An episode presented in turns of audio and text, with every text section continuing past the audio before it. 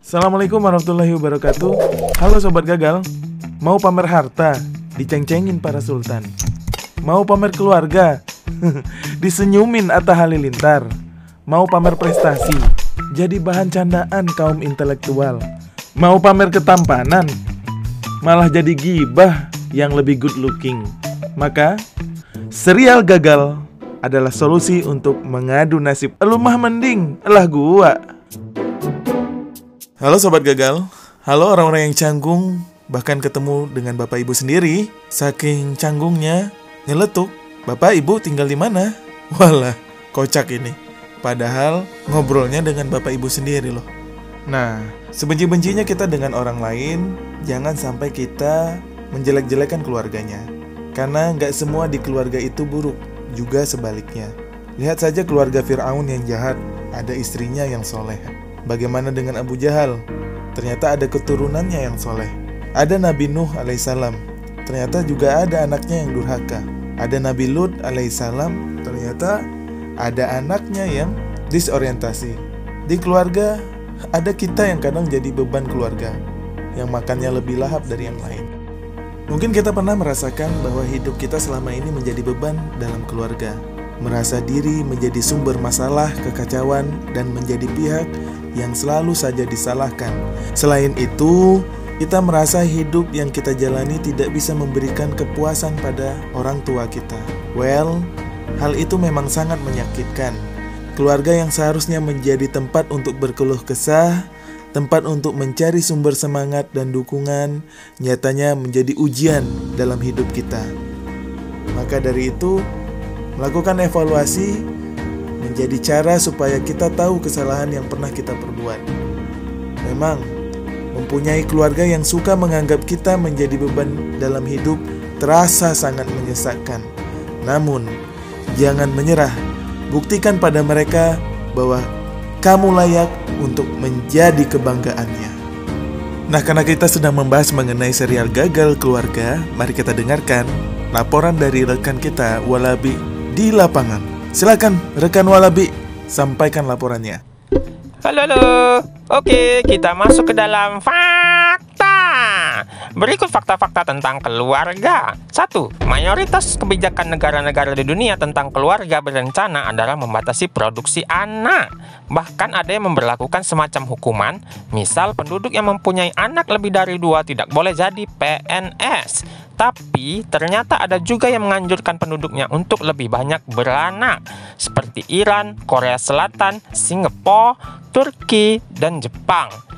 Kalau di sini mudah aja ya, BKKBN bekerja sama aja dengan PLN. Tiap jam setengah 8 malam, padamin listrik. Dijamin dah tuh. Dua, ada hukum-hukum aneh tentang pernikahan di berbagai belahan dunia. Di Colorado, Texas, dan Montana bisa terjadi nikah yang diwakilkan jika Anda berada di angkatan bersenjata. Jadi salah satu mempelainya diwakili. Di Monaco, pernikahan harus diumumkan di sebuah kertas yang ditempel di balai kota selama 10 hari yang termasuk dua kali hari Minggu. Di Wales dan Inggris, resepsi pernikahan harus dilakukan di bangunan permanen yang beratap. Jadi tidak boleh pesta di kebun, apalagi di rawa-rawa atau di sawah-sawah. Itu mau kondangan sambil nyari cupang? Hmm. Tiga, Penelitian tahun 2017 menunjukkan bahwa saat ini angka pernikahan di dunia terus menurun, sementara angka perceraian meningkat sejak tahun 1960. Hmm, India adalah negara dengan angka perceraian terendah, yaitu hanya satu persen. Sementara Luxembourg yang tertinggi yaitu 87%. Itu artinya dari 100 pernikahan hanya 23 pasangan yang langgeng. Penelitian lain oleh Nicholas Wolfinger, seorang profesor di Universitas Utah, menemukan bahwa waktu terbaik untuk menikah adalah awal 20-an dan awal 30-an. Jika Anda menunggu sampai Anda lebih tua dari 32 tahun, peluang perceraian Anda malah meningkat. Perceraian ini bisa disebabkan oleh ketidaksetiaan, alkohol dan narkoba, ketidakcocokan, ekonomi, dan juga kekerasan. Ngomong-ngomong soal kekerasan atau KDRT, ini masuk nomor 4. Mitosnya, kekerasan keluarga hanya terjadi pada keluarga miskin dan tidak berpendidikan. Padahal, fakta menunjukkan bahwa kekerasan dalam rumah tangga terjadi pada semua jenis keluarga tanpa memandang profesi, pendapatan, daerah, etnis, tingkah pendidikan, ataupun ras.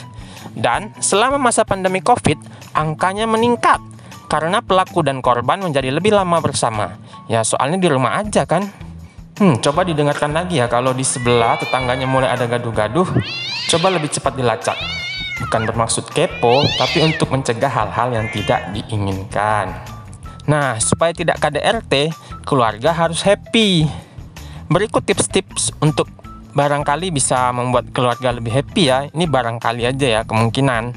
Siapa tahu, ya namanya juga usaha ya kan. Satu, berbagi cerita. Tanyakanlah kejadian-kejadian apa saja yang terjadi pada anak ketika pulang sekolah ataupun kepada pasangan ketika pulang kerja. Misal kepada anak kita tanya, gimana tadi di sekolah belajar apa? Gurunya masuk nggak? Si siapa tuh si Bu Sonya ya? Bu Sonya ada nanya-nanyain papa nggak tadi? Iya katanya terima kasih yang tadi malam. Wah. Dua, makan bersama tetangga. Enggak lah ya, makan bersama keluarga sendiri dong. Di rumah tetangga. Halah, dianjurkan minimal empat kali makan malam bersama dalam satu minggu. Ini bukan berarti tiga malam lainnya nggak makan malam ya, tapi tiganya boleh makan sendiri-sendiri sambil baca buku atau makan di masjid. Tiga, buat ritual khusus dan semua sepakat untuk mematuhinya. Misal berdoa setiap malam atau setiap minggu pagi senam bersama atau bisa ada yel-yel keluarga khusus yang diucapkan kalau hari itu menu makanannya daging. 4. Buat lingkungan yang tenang. Misal tidak beradu domba, tidak beradu argumen di depan anak-anak, apalagi di depan kereta api yang sedang berjalan. 5. Saling senang. Apa maksudnya? Orang tua harus menunjukkan rasa senangnya ketika anaknya sampai di rumah, misal dari sekolah, dan anak-anak juga merasa senang ketika orang tuanya ada di rumah. Jangan sampai sebaliknya. Karena apa? Karena nomor 6, keluarga dulu baru teman. Banyak anak yang bosan dengan orang tuanya sehingga lebih senang pergi dengan teman-teman. Kebosanan di rumah membuat anggota keluarga mencari kesenangan di luar rumah. Nah lo, carilah, buatlah, usahakanlah sesuatu yang membuat keluarga kita bisa lebih bahagia di rumah daripada di luar. Ingat, harta yang paling berharga adalah sertifikat tanah. Itu bagi yang udah punya. Bagi yang masih ngontrak, yang paling berharga adalah BPKB. Bagi yang belum lunas, BPKB-nya masih ketahan, harta yang paling berharga adalah ya itulah. Terakhir, ini rahasia ya Jangan suka banding-bandingin keluarga kita sama keluarga-keluarga di sosmed. Yang tampak bahagia di sosmed, di kehidupan nyatanya, hmm, mungkin lebih bahagia lagi. Sekian dari kami, kita kembalikan pada rekan di studio. Oke, terima kasih rekan Walabi yang sudah menyampaikan terkait mengenai serial Gagal Keluarga dan tips-tipsnya. Pesan molen, pesan moral keren. Sejauh apa pun pergi, tempat ternyaman untuk kembali adalah rumah. Beberapa anak beruntung karena dibesarkan dari keluarga yang utuh. Sisanya lebih beruntung karena diberi hati dan tulang yang kuat untuk berusaha sendiri. Selalu ada waktu yang harus terluang untuk keluarga yang tentang mereka Allah akan pertanyakan kepemimpinan dan bimbingan kita. Jagalah dirimu dan keluargamu dari api neraka. Berbahagialah mereka yang memastikan tiap suapan ke mulut, istri, anak, dan segala yang dikenakan halal toib tak meragukan. Berbahagialah mereka yang menangis mendoakan keselamatan, keberkahan, serta kebaikan anak istri dan keturunannya. Berbahagialah mereka yang bersyukur atas kemajuan istri dan anaknya dalam kebaikan. Lalu ada peluk, doa, dan hadiah sederhana. Serial gagal. Serial gagal. Serial gagal.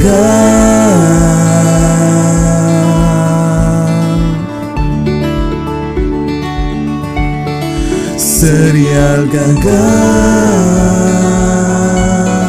Serial gagal